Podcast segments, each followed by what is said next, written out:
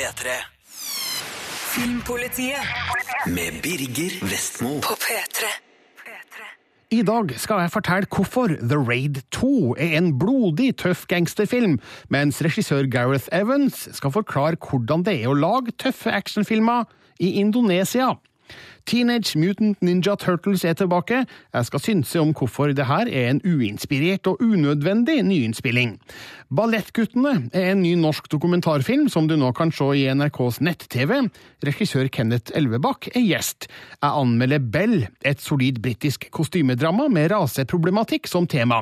Og den franske filmstjerna Marion Cotillard forteller hvorfor hun utfordra seg sjøl til å spille italiensk prostituert i den Blu-ray- og DVD-aktuelle filmen Blood Ties. Filmpolitiet anmelder film. Nah, kalau kita mau membersihkan kota ini dengan bersih, kita harus tangkap mereka. Nama-nama yang penting. De beste oppfølgerfilmene er dem som viderefører forgjengerens kvaliteter i et utvida univers, som f.eks. Aliens, Gudfaren 2 eller Terminator 2. Regissør Gareth Evans gjør det samme med The Raid 2, som setter enerens ekstreme voldsestetikk inn i en større sammenheng. Historien åpnes opp, og figurene får større albuerom, bokstavelig talt. Dermed får vi en blodig tøff gangsterfilm med vanvittige kampscener av episke proporsjoner. Store ord, ja, men The Raid 2 fortjener dem. Cuma beberapa bulan. Kamu nggak boleh tahu aku ada di mana. Historien tar opp tråden der eneren slutta. Da fikk politimannen Rama, spilt av Iko Uveis, oppleve korrupsjon blant egne offiserer under et voldsomt raid mot en gangsterbygning i den indonesiske hovedstaden Jakarta. Nå blir han rekruttert av en hemmelig intern etterforskningsgruppe for å avdekke de virkelig store politiskurkene.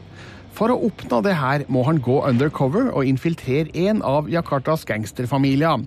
Men det her blir en hard og vanskelig operasjon, der Rama havner midt i en brutal gangsterkrig. Mens den første The Raid var filma i vanlig widescreen, som passa de trange gangene og rommene alt foregikk i, presenteres The Raid 2 i scope-format, noe som umiddelbart signaliserer retningen filmen tar. Historien er større, persongalleriet er bredere. Det handler om hensynsløs kriminalitet og blodig rivalisering. Ingenting vi ikke har sett og hørt før, men godt nok fortalt til at jeg tror på figurene og det miljøet de beveger seg i. Iko Uveis får mer å spille på, og beviser at han er en habil skuespiller, i tillegg til å være en imponerende kampsportutøver. Og det er voldsutgytelsen som preger filmen fra start til slutt. Den ene sekvensen avløser den andre med ekstrem intensitet, brutalitet og oppfinnsomhet. Det er faktisk litt utmattende å se gjennom alt det her, men det er fryktelig godt koreografert, filma og klippa. Den utrolige voldsestetikken gir meg en berusende følelse. Gareth Evans tar åpenbart mål av seg til å være vår tids fremste eksponent for filmvold. Sjøl Tarantino blir en smågutt i forhold til Evans når det gjelder omfanget av den blodige underholdninga. Det finnes nok dem som finner The Raid 2 direkte usmakelig, og jeg skjønner at det her kanskje ikke er en film for alle. Men for meg er det her et godt eksempel på hvor fantastisk det kan være å se en voldelig film der ingenting holdes tilbake, der regissøren har fritt spillerom til å overgå alle forventninger til hva det kan være mulig å vise på film, og der resultatet er en blodsprutende, halsbrekkende, armknekkende og kroppsspjærende voldsorgie med interessante figurer i en god historie. Terningkast fem. I sted anmeldte jeg The Raid 2, en ufattelig voldsom actionfilm og en overbevisende oppfølger av den første The Raid. Regissøren heter Gareth Evans, er 34 år gammel, fra Wales, men bor og jobber nå i Indonesia. Jeg snakka med han litt tidligere i uka på en telefonlinje fra Indonesia, som ikke var den aller beste, så du får spisse ørene så mye du kan, da. Jeg spurte Evans hvorfor han valgte å gjøre The Raid 2 så annerledes enn forgjengeren, blant annet ved å utvide universet med flere figurer og en større historie. For me, I have this thing. I don't tend to like sequels that just rehash the original. Like I feel like there there should be something new done with it. I don't, otherwise, I don't see why the sequel should exist. You know. So for me, it was always a case of like it, it has to be something that was trying something different, that was trying something new. Um, we couldn't just do that thing like like make the building a bit bigger and it had more bad guys. I didn't want to kind of go down that route. So it was always my intention really to kind of like expand the universe, expand the storyline more. And um, yeah, it, it was it, it came down to like two things. One is obviously you know those are the sequels I prefer, the ones that kind of do elaborate more on the sort of like the, the characters and the storyline. But then the other thing was also that idea that like we we'd already done a movie that was entirely set within one building. And so to come up with new choreography for the for another building would been kind of very restrictive to us. So by putting it out on the streets, then it meant that we were able to do anything. It was a lot more liberating in terms of uh, creating action sequences because we could do like a subway train, You could do a prison fight, a prison riot, You could do um, you know a car chase, and so all of those all of those um, elements became possible because we took it outside of the building. What is most important to you? Is it the story or is it elaborate fight scenes? Uh, story first. It has to be. Um, if a film is just filled with fight scenes, but there's nothing, no purpose for them, and it doesn't feel organic to the plot, then then really you're just watching an exhibition. You're not really watching anything that kind of like um, brings the audience into the fight sequence. So, um, especially when it came to the raid two, I knew I was going to have like longer stretches in between the fights where there was going to be a lot more um, drama and a lot more character build up. But it was for me, I felt it was kind of like essential to do that um, to kind of get the audience more invested in the fights, to get that feeling of you know having someone to root for and having people that you want to see live out through their team.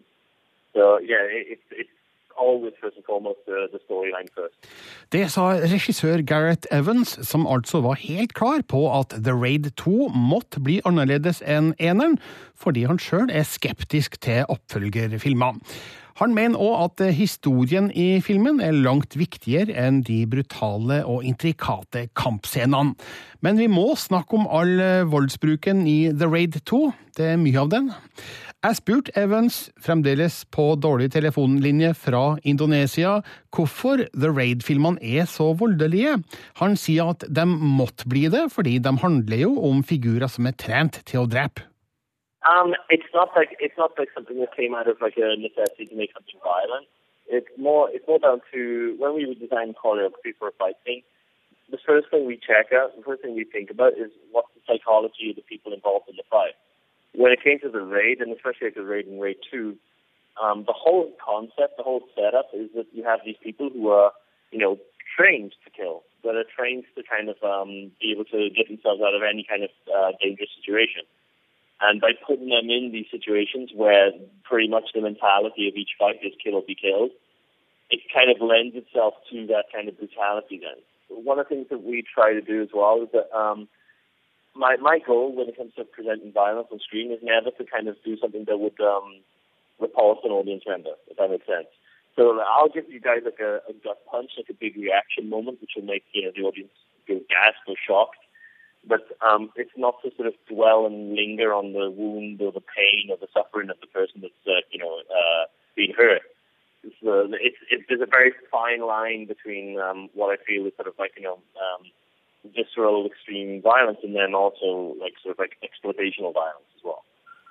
The fight scenes feature a, a lesser known Indonesian martial art called, I'm not sure if I'm saying this right, Pensak Silat. That's almost perfect. Yeah, well done. Okay. Uh, can you explain uh, what's so special about this particular martial art?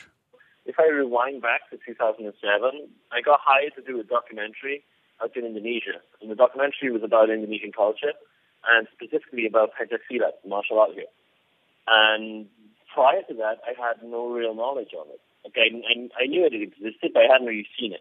So like you know, I grew up watching martial arts films, right? So seen kung fu and Muay Thai and all that, but I'd never seen see that before. And so all of a sudden, I'm doing this documentary and I'm seeing this whole new martial art.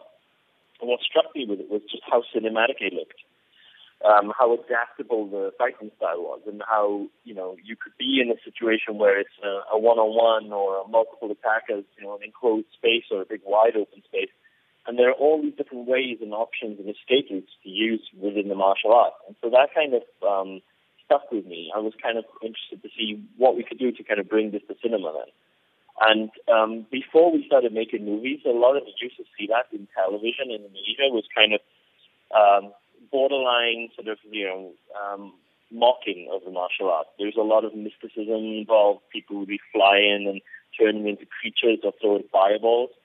And by talking with Iko and Yayan and the rest of the choreography team, like the one thing that they really wanted was to see their martial art represented properly. And so basically we, we set out these ground rules then where there was going to be a certain sort of like, um, that we would abide by the laws of physics. So there'd be no flying, no floating. Um, we would just strip down the sort of like the approach of using acrobatics and, you know, uh, overly complicated like stunt work. We would just make it more uh, you know, real, as, as grounded into reality as possible. And so that was kind of our remit then in terms of using that martial art in film. Gareth Evans bruker altså den indonesiske kampsporten pensak silat i The Raid-filmene, fordi den er veldig cinematisk og gir mange muligheter i ulike situasjoner. Men han ville unngå å bruke pensak silat i parodisk sammenheng, slik han sier han har sett i indonesisk film og TV tidligere, og har prøvd å gjøre kampsporten så realistisk som mulig. Evans omtales som vår samtids beste actionfilmskaper. På fra Indonesia, stadig like dårlig linje, sier han at han vil fortsette å lage film i Indonesia, annet The Raid 3. Um, I'm, I'm still planning to make films in Indonesia for, for you know many many reasons. One of which is that you know it's it's gifted me my career. Like I, I would not be in the position where I am now if I hadn't moved here and hadn't started working here in this industry. So I do feel like I, I have a responsibility to keep making films here, and I and I actually want to do that. Um, another one is that there's so much history and culture that we haven't even tapped into yet. There's so many, um, you know, beautiful locations that you know would be fascinating to kind of present to a, foreign audience. Um, I, my plan is for next year is to kind of do something in US or the UK.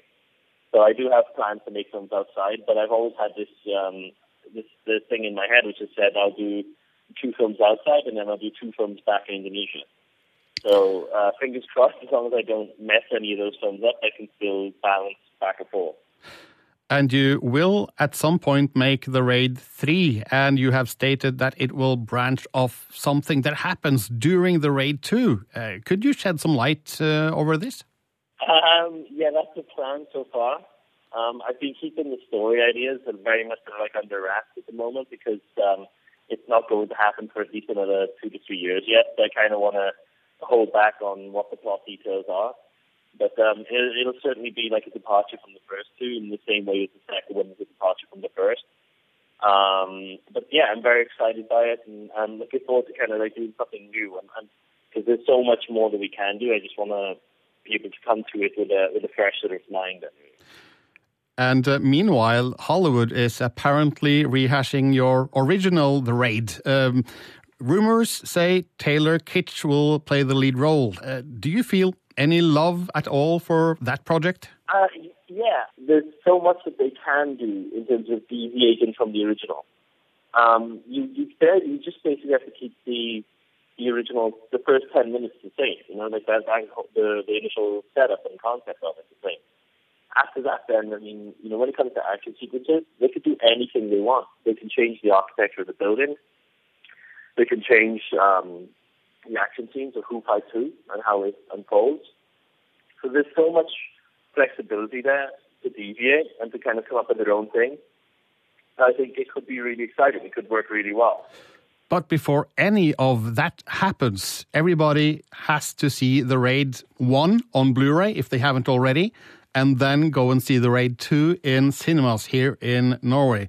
Because I, I, think it's safe to say it's the action movie of the decade. Is that a description you could like? um, I mean, that blows my mind to hear that. So, yeah, I mean, uh, yeah, I'm, I'm not going to turn that down an incredible invitation. Thank you very much. Okay. Thank you, Garrett Evans, and good luck with your future, hopefully, violent films.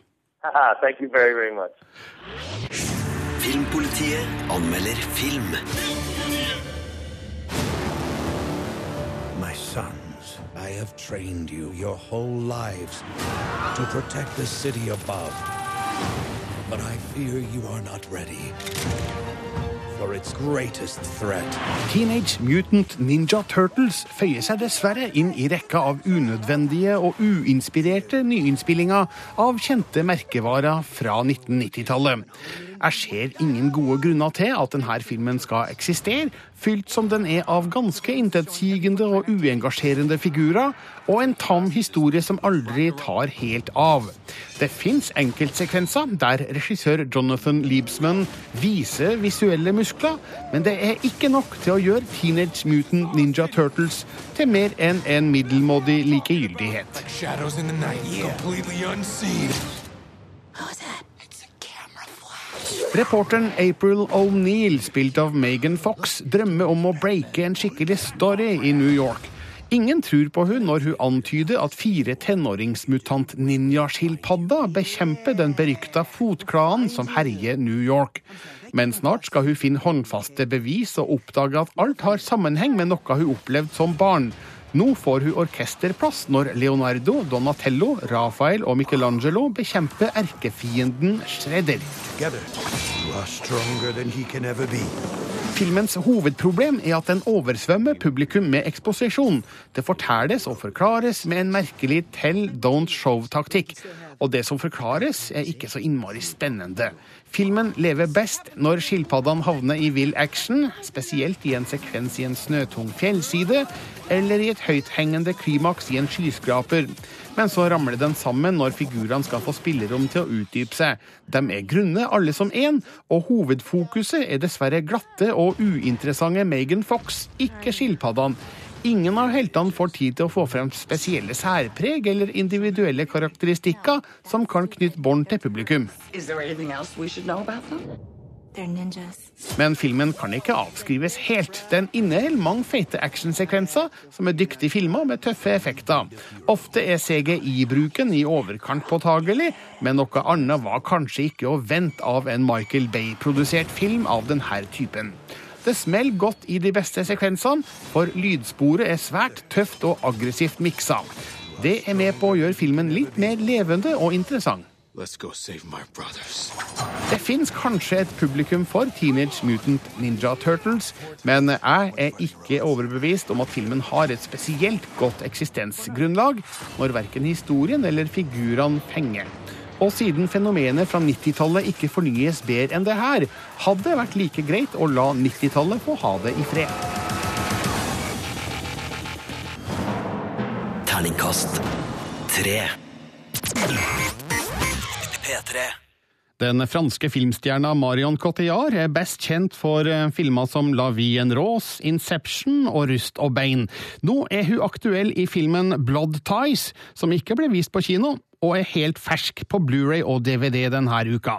Dette er et mørkt og tøft krimdrama om to brødre, forbryteren Chris, spilt av Clive Owen, og politimaren Frank, spilt av Billy Crydup, som altså befinner seg på hver sin side av loven i New York anno 1974.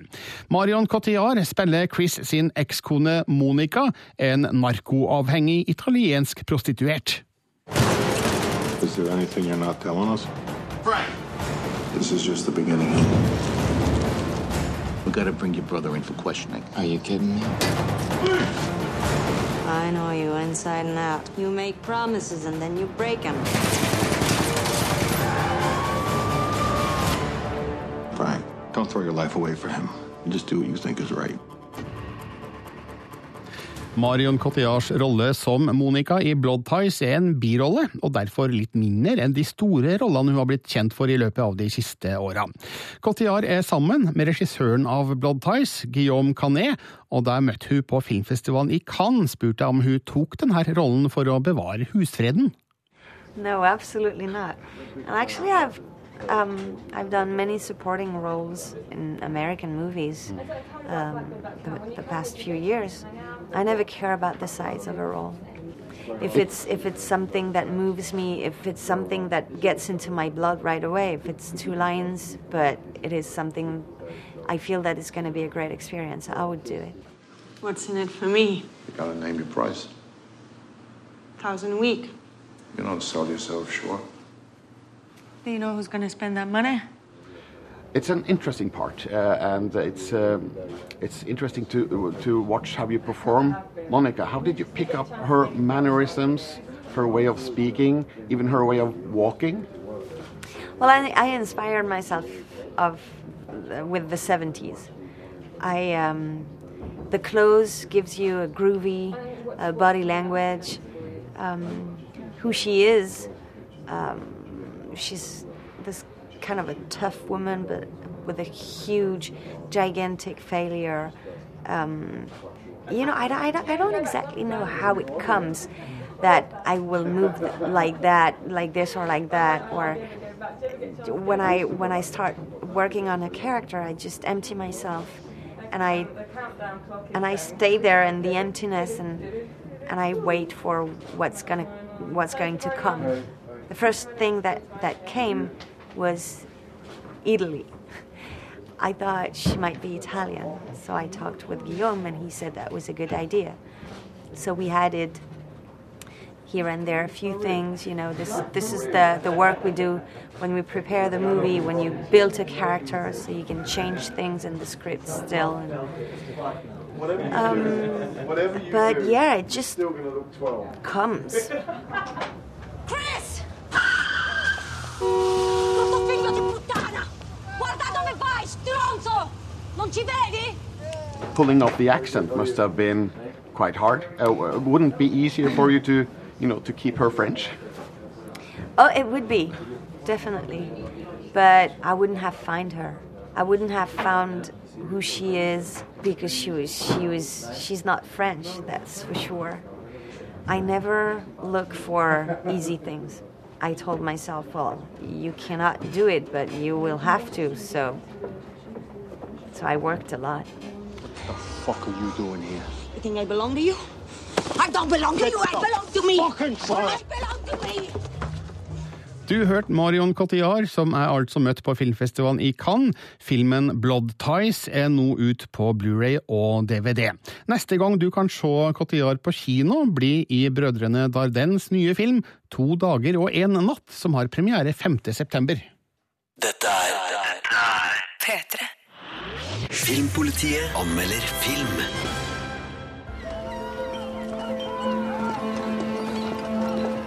Do not be afraid.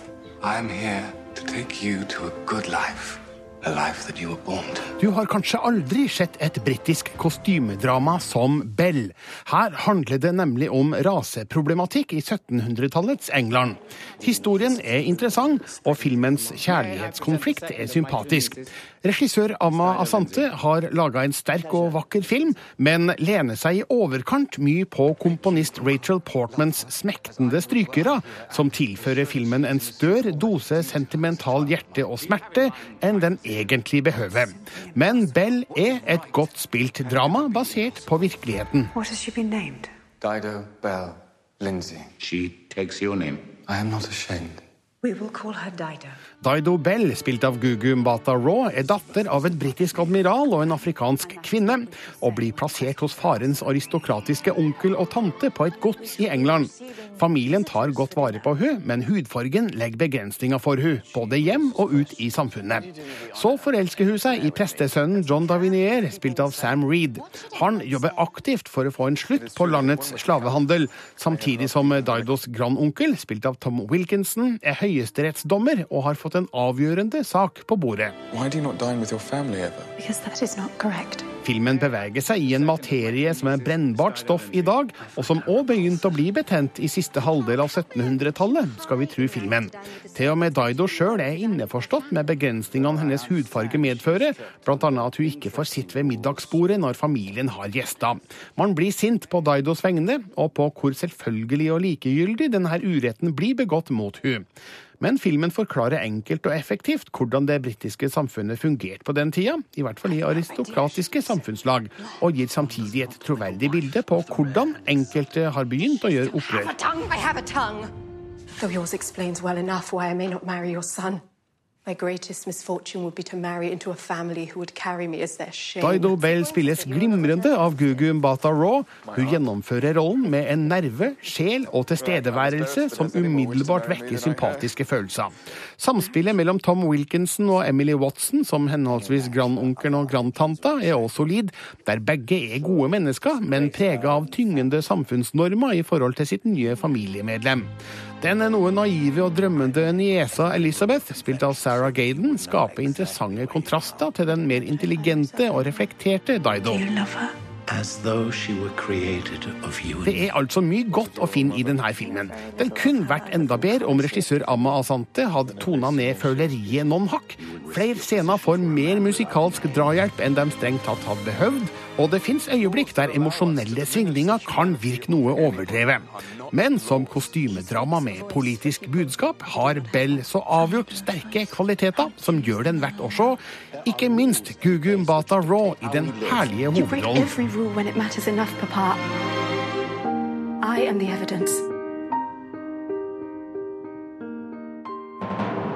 Terningkast rule På tirsdag ble Ballettguttene vist på NRK1, en særdeles sjarmerende dokumentarfilm om Lukas, Syvert og Torgeir, tre tenåringsgutter som følger sine ballettdrømmer i Oslo.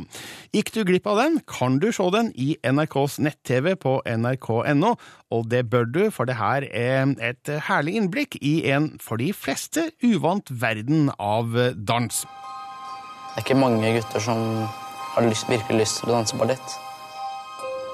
Jeg visste jo ikke hva ballett var før jeg starta med det. ikke sant?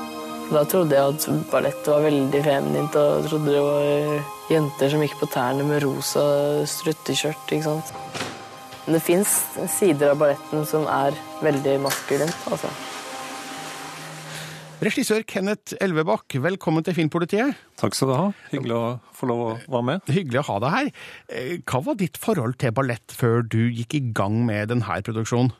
Jeg har jo stort sett sett dans på, på scenen, altså på eh, operaen eller på eh, Dansens Hus, profesjonelle dansere.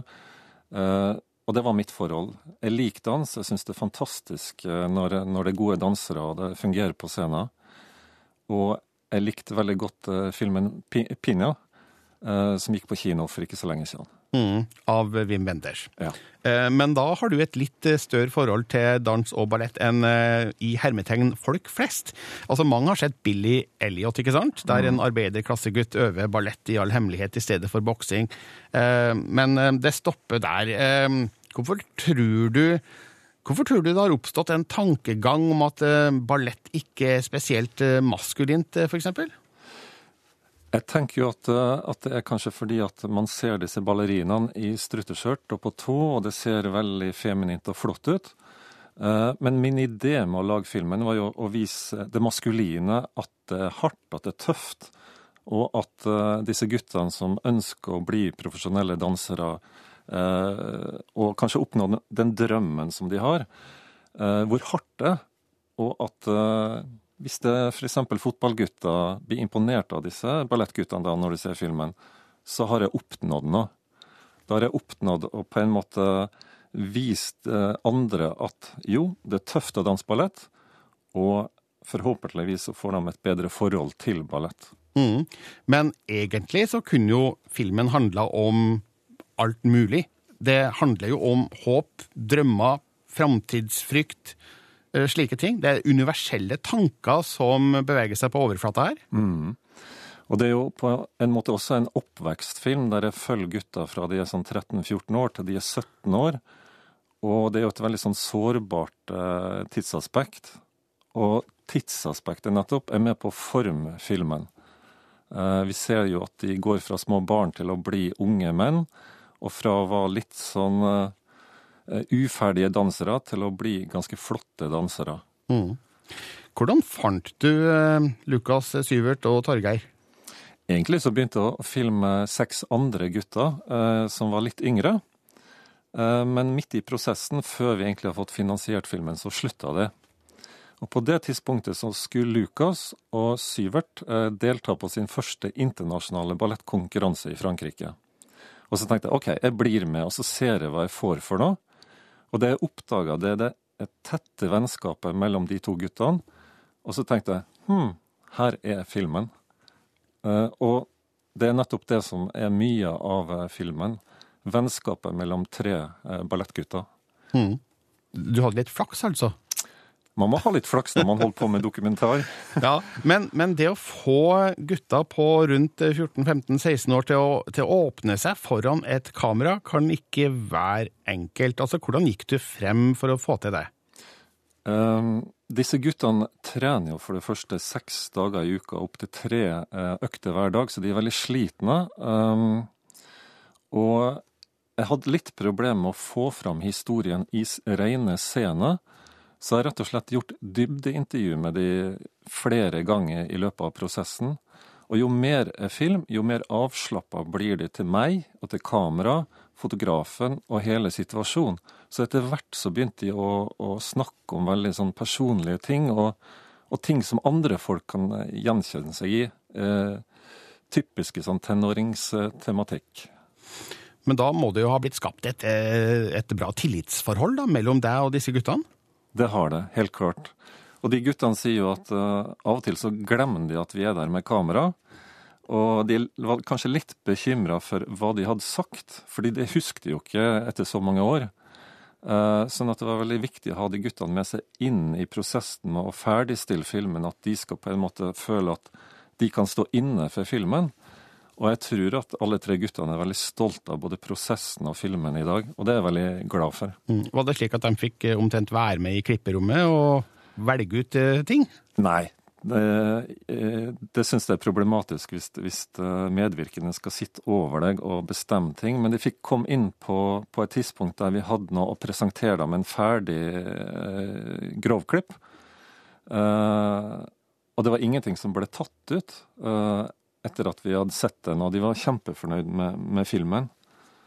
Uh, men hele klippeprosessen har jo vært en lang eh, prosess. Kristoffer Heie, som, som har klippet filmen, eh, fikk ganske frie hender til å klippe ned til en totimers versjon. Men da hadde jo jeg allerede klippet en syvtimers uh, versjon. Eh, og så klippet vi da sammen eh, videre til, til da først en 72 minutter, og så har vi klippet ned til en TV-versjon som er 59 minutter. Å klippe ned noe fra sju timer til én. Eh, fortell litt om den prosessen. Det var ganske mm, ja, kanskje smertefullt, for det forsvinner jo så mye fint materiale ut. Eh, Men vi hadde en sånn fokus på hva skal filmen handle om hele tida. Og den handler om de guttene og deres relasjon til hverandre og deres drøm om å danse. Så alle andre historier blir på en måte renska ut for at det forholdet skal få plass i filmen. Så det er jo mange historier som er kjempeinteressante, som vi har løfta ut av filmen. Nå ble Ballettguttene altså vist på NRK1 på tirsdag i en TV-versjon på 59 minutter. Eh, Det finnes også en festivalversjon som er litt lenger. Mhm. Og den har gått eh, en del runder rundt omkring eh, de siste månedene. Eh, Hvor har, hvor har du vært hen? Også Filmen har jo reist litt eh, rundt på egen hånd. Den har vært med på Scandinavian Filmfestival i Australia. Den har vært i Krakow, eh, Edinburgh. Den har vært i Portugal, og ja, den skal til Helsinki filmfestival. Og den fortsetter å reise rundt på egen hånd. Hvilke reaksjoner har du fått fra de festivalene som har vist filmen? Jeg har vært eh, på én festival, og det er Ferstroya i Portugal. Um, og den- da jeg kom ut av kinosalen, så gråt nesten halvparten av det voksne publikummet. Og så tenkte jeg jøss, hva er det filmen gjør med folk? Hva tror du filmen gjør? Eh, Jeg tror at eh, mange som har egne barn, kan kjenne seg igjen i, i akkurat det der eh, hvor vanskelig det er i den tenåringsperioden å lykkes med ting, og at man har drømmer om å oppnå ting. Så det er jo på en måte en hyllest til disse foreldrene til guttene, som har liksom klart å få de fram og opp, og, og at de i dag lykkes med, med det, den drømmen de har om å bli profesjonelle dansere. Mm. Ballettguttene er innspilt eh, i en periode over fire år, stemmer det? Ja. Hvordan greier du å holde fokus på et prosjekt over så lang tid? Um, det lurer jeg også på. det er et godt spørsmål. Men du får liksom små scener hele tida, og så går du i dybden av de scenene og ser hva er det du trenger videre. Og plutselig så kommer det jo inn fra sidelinja f.eks. at Lucas eh, fikk spørsmål om å prøvedanse på Royal Ballet eh, School i, i, i London, som er samme skolen som Billy Elliot kom inn på. Eh, og det var det jo ingen som visste på forhånd at han skulle til London. Og vi følger han i den prosessen til London, og så kommer han inn, og så må han ta et valg mellom å gå i Oslo eller i London, forlate kompisene i, i Oslo, og begynne da på, på ei prestisjefylt skole i London. Så Eh, du, du fikk liksom klimakset servert på et sølvfat?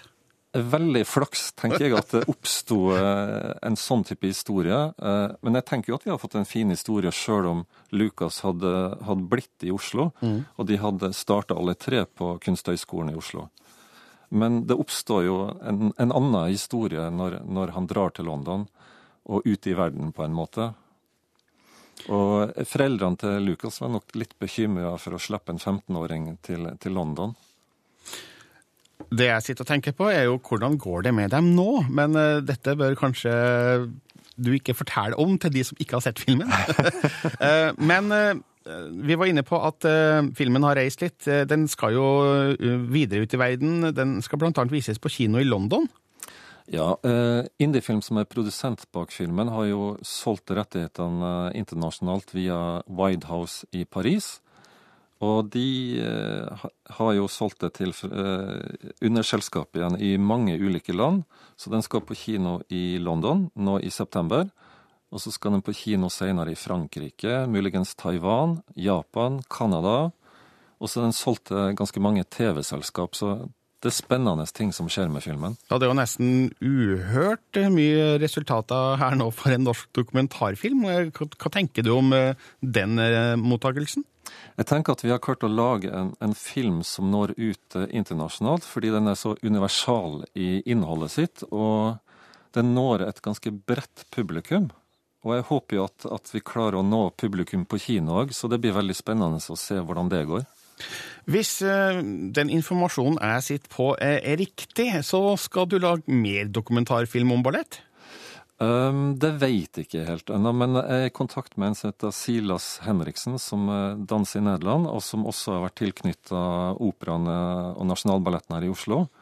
Uh, Men det er veldig veldig tidlig stadig stadie ennå, så jeg vet ikke ennå. Men det har vært veldig gøy å fortsette å jobbe med dans og, og eh, få til noe, noe spennende eh, filmbilder. Er det av eh, arbeidet med Ballettguttene at du kunne tenkt deg å jobbe mer innenfor samme tematikk? Ja, helt klart. Eh, I Ballettguttene så har jeg liksom eh, fått et innblikk i dans eh, på en annen måte eh, som gjør at jeg har lyst til å gå videre og videreutvikle eh, billedspråket i forhold til det. Hva med Ballettguttene 2? Jeg vet ikke om det finnes noe sånn eh, så Det finnes ikke veldig mange eksempler på sequels innenfor dokumentarfilmsjangeren, men eh, ja, ja, det finnes noen. Jeg Hadde det vært mer å fortelle om Syvert, Lukas og Torgeir? Man kunne jo hatt Ballettguttene ti år etter, Ja. for eksempel. ja. Herve, herve en eh, idé som er født. Men eh, det er jo spennende å se hvordan det går eh, over tid med de, fordi det å være danser og holde seg på et høyt internasjonalt nivå over lang tid, er jo ikke mange som klarer. Eh, fordi det er så hardt, og det er hardt for kroppen, og du skal lykkes også i forhold til eh, hvilke roller du får, og med de kompaniene som du kommer inn i. Så det er jo helt klart spennende å, sette en sånn type prosess. Vi får se. Nå er i hvert fall eh, eneren, eh, eller den eneste, Ballettguttene vist på NRK1, og den fins fremdeles på NRKs nett-TV, som du finner på nrk.no. Regissør Kenneth Elvebakk, tusen takk for at du kom til Filmpolitiet. Tusen takk skal du ha. Filmpolitiet Med Birger Vestmo. på P3. Wes Andersons The Grand Budapest Hotel kom ut på Blu-ray og DVD i forgårs, og det er en film du rett og slett må se. Her er anmeldelsen min fra tidligere i år, da den hadde kinopremiere. Why do you want to be a lobby boy? Who wouldn't? At the Grand Budapest, sir. Det meste ved tilværelsen er lyser i en Wes Anderson-film. I The Grand Budapest Hotel er livet en fest og døden en leik, sjøl når bakteppet åpenbart er inspirert av et mørkt kapittel av Europas historie. Man sitter kanskje ikke igjen med en dypere forståelse for verken fortid eller nåtid, ei heller med større innsikt i menneskeheten. Men filmen forteller en god historie ved hjelp av et rikt persongalleri i et drømmende univers. Denne filmen er skapt for å nytes godt bakoverlent, både i kropp og sjel. And so my life began. Junior lobby boy in training under the strict command of Monsieur Gustav H. Gustav H., spilt av Ray Fiends, er en høyt elska concierge på The Grand Budapest Hotel i den lille republikken Subrovka i Øst-Europa. Når den hyppige gjesten Madame D., spilt av Tilda Swinton, blir funnet myrda hjem på sitt eget slott, etterlater hun seg et verdifullt maleri til sin kjære Gustav H. Men hennes sønn Dimitri, spilt av Adrian Brody, kaster mistanken på Gustav, som nå må bevise sin uskyld ved hjelp av sin nye venn og pikkolo, Zero, spilt av Tony Revolori. Det her er et sjarmerende spenningsdrama, fortalt med underfundig humor og noen innslag av voldeligheter. Filmen danser mellom fire tidsepoker, der de to viktigste er hovedfortellinga i 1932, samt et møte med den gamle Zero, spilt av F. Murray Abraham, og en ung forfatter, spilt av Jude Law, på slutten av 1960-tallet. Vi ser òg hvordan den eldre forfatteren, spilt av Tom Wilkinson, leser fra sitt eget manus i 1985, samt ei ung jente som leser boka i nåtid. Det slår meg at noen av de her tidstrådene kanskje kan virke overflødige, men de bidrar til filmens leikende atmosfære. She was 84. Mm, I've had older. Ray Fiends skinn i rollen som Gustav H., en figur med en upåklagelig fasade, som han dropper i små, smarte glimt for å gi oss et blikk bak. Verdenen han lever i er kanskje oppdikta, men har klare referanser til Europa på 1930-tallet, prega av nazistenes fremmarsj. Gustavs misjon er, som han sier i filmen, å tilføre verden litt sivilisasjon midt i barbariet.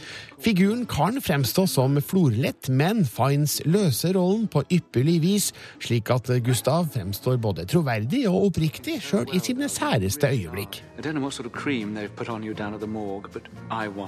Tony Revolori er òg et morsomt bekjentskap i rollen som Zero. Den unge pikkoloen kommer storøyd inn i en institusjon som er en av de største i bransjen. Revolori vet nok hvordan Zero har det. Han er sjøl et ubeskrevet blad i et ensemble som er stappende fullt av store navn, som foruten dem som allerede er nevnt, inkluderer Bill Murray, William Dafoe, Jeff Goldblum, Jason Swartzman og mange flere. Det er påfallende å se så mange stjerner i bitte små roller, et tegn på den respekten regissøren nyter. I want roadblocks at every junction for 50 kilometers. Wes Anderson leker med både form og innhold, slik nesten bare han kan. The Grand Budapest Hotel fortelles i tre forskjellige billedformater, én for hver tidstråd. Det er et uvant, men morsomt visuelt eksperiment som er med på å understreke hvor i filmhistorien de ulike delene tilhører. Man blir fort vant til det, eller glemmer det helt. Historien er for morsom, hjertevarm og underholdende til å bry seg om tekniske detaljer. The Grand Budapest Hotel er rett og slett en herlig film fra Wes Anderson, en unik filmskaper med en lett gjenkjennelig signatur. Terningkast fem. The Grand Budapest Hotel er altså nå aktuell på Blu-ray og DVD, og er absolutt anbefalt hvis du da ikke skjønte det, ut ifra det jeg sa i anmeldelsen fra tidligere i år. Filmpolitiet. Does that sound good to you? På P3. Hør flere podkaster på nrk.no podkast. P3.